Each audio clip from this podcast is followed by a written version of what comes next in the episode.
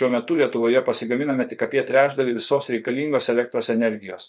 Sparti atsinaujinančių energetikos projektų plėtra šią situaciją turėtų pakeisti jau artimiausioje ateityje. Tai reiškia, kad busimiems tokių projektų plėtotojams reikės kur kas geriau pasverti projektų ekonominę naudą ir įvertinti rizikas.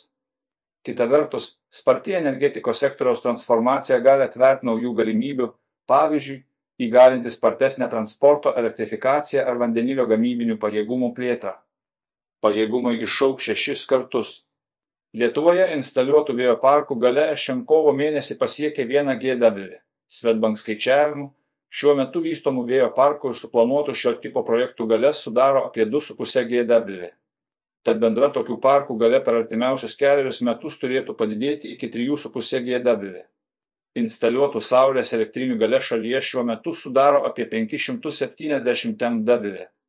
Bet jį galėtų išaukti iki maždaug 4,4 GW, jei neseniai numatyti ribojimai nepakeis kai kurių investuotojų planų. Įgyvendinus visus šiuo metu numatytus vėjo ir saulės projektus, bendra instaliuota atsinaujinančių šaltinių gale šalyje sudarys iki 7,9 GW arba apie 6 kartus daugiau nei dabar.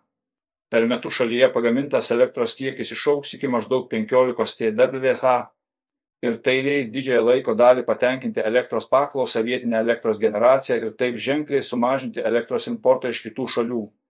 Bendra numatytų investicijų į atsinaujinančius energijos projektus suma sudaro apie 7,2 milijardus eurų. Tiesa, į šiuos skaičiavimus nepatenka jūrinės vėjo elektrinės, kurių planuojama pastatyti du parkus po 700 MW. Pirmasis aukcionas turėtų būti paskelbtas kovo 30 dieną ir jo laimėtojas turėtų paaiškėti šių metų rudenį. Investicijos į vėjų parkų jūroje projektus gali sudaryti daugiau kaip 4 milijardai eurų, jie turėtų pradėti veikti po 5-7 metų ir bendrai sugeneruoti 5-6 TWh elektros per metus. Atsiradusi reguliavimo rizika.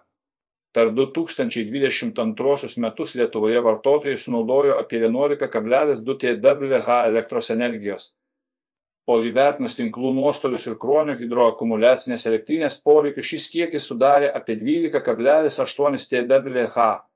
Šiuo metu suplanuotos investicijos leidžia tikėtis, kad šalyje iš atsinaujinančių energijos šaltinių sugeneruota elektros dalis nuo dabartinių 23 procentų per ateinančius 5-7 metus priartės prie 100 procentų esamų poreikių, o pradėjus veikti parkams jūroje juos viršys. Tai neturėtų užkirsti kelią naujiems energetikos projektams, nes Ligri prognozuoja, kad iki 2031 metų elektros suvartojimas Lietuvoje išauks 46 procentai arba papildomomis 6 TWh. Bet to ekonominė logika turėtų subalansuoti rinką, tai yra mažinti investuotojų apetitą naujiems projektams esant elektros pertekliui rinkoje bei atitinkamai. Dėl pigios elektros skatinti namų ūkių ir verslo elektrifikaciją. Kita vertus, dėl sparčios atsinaujinančios energetikos plėtros ateityje pasitaikys tokių laikotarpių paroje ar savaitėje, kai pučiant stipriam vėjui ir šviečiant saulei. Rinkoje turėsime elektros perteklių ir žemą jos kainą, o turimų jungčių nepakaks visam eksportui. Taip pat greičiausiai bus tokių momentų, kai nepaisant didelės instaliuotos atsinaujinančių išteklių elektrinių galios jų generacijos nepakaks ir turėsime dalį elektros importuoti. Neseniai investuotojų į atsinaujinančius energetikos projektus apetitą apribojo rinkos reguliuotojas, numatęs galimybę piko laikotarpiu nuo tinklų atjungti naujus saulės parkus. Nors šie pokyčiai skirti tam, kad būtų išvengta elektros pertekliaus ir didelių jos kainos viravimų rinkoje, tai greičiausiai paskatins kai kurios investuotojus peržiūrėti savo planus. Tokie reguliacinės aplinkos pokyčiai sudaro reikšmingą riziką tokio tipo projektams - plėtotojų namų darbai augant instaliuotai saulės ir vėjo elektrinių galiai, didėja ne tik šalies energinė nepriklausomybė, bet daugėja ir iššūkių investuotojams.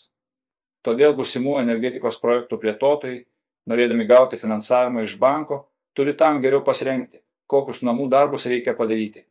Siekiant užtikrinti kuo sklandesnį stambių į projektų finansavimo procesą, svarbu su potencialiu finansuotoju pradėti kalbėti kuo anksčiau taigi yra gavusi išankstines prijungimo sąlygas ar leidimą plėtoti elektros energijos pajėgumus.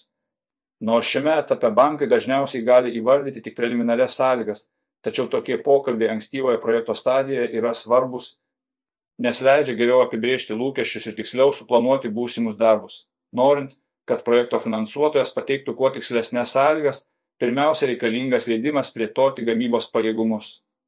Kitas esminis dalykas yra projekto samata, kuri būtų paremta preliminarimis sutartimis su tiekėjais ir užfiksuotomis darbų ar įrangos kainomis. Taip pat reikia iš anksto parengti finansavimo modelį, apimantį 15-20 metų laikotarpį, kuriame būtų įvertintos veiklos sąnaudos ir investicijų poreikis į ilgalaikį turtą. Vystytojas planuojama elektros generacija iš vėjo ar saulės turėtų pagrysti realią tikėtiną generaciją pagal projekto lokacijoje vyruojančius vėjo srautus ar saulės spinduliuotės kiekį. Šie matavimai o taip pat ir prognozių skaičiavimai turėtų būti atlikti ilgametę patirtį turinčių šioje srityje besispecializuojančių bendrovių. Kitas aspektas, kurį reikėtų numatyti, tai pagamintos elektros realizavimo principas PPA sutartis, pardavimas pagal biržos kainas ar tarpinis variantas, numatant su tuo susijusių rizikų valdymą. Rizikų spektras, su kuriuo susiduria parko valdytojas, yra platus ir apima tokius dalykus, kaip PPA sutarties trukmė, jos nutraukimo sąlygos, įsipareigojimai dėl konkretaus elektros kiekio patiekimo ar perteklinės energijos realizavimas, neplaninis remontas ar dideli elektros kainos sviravimai biržoje.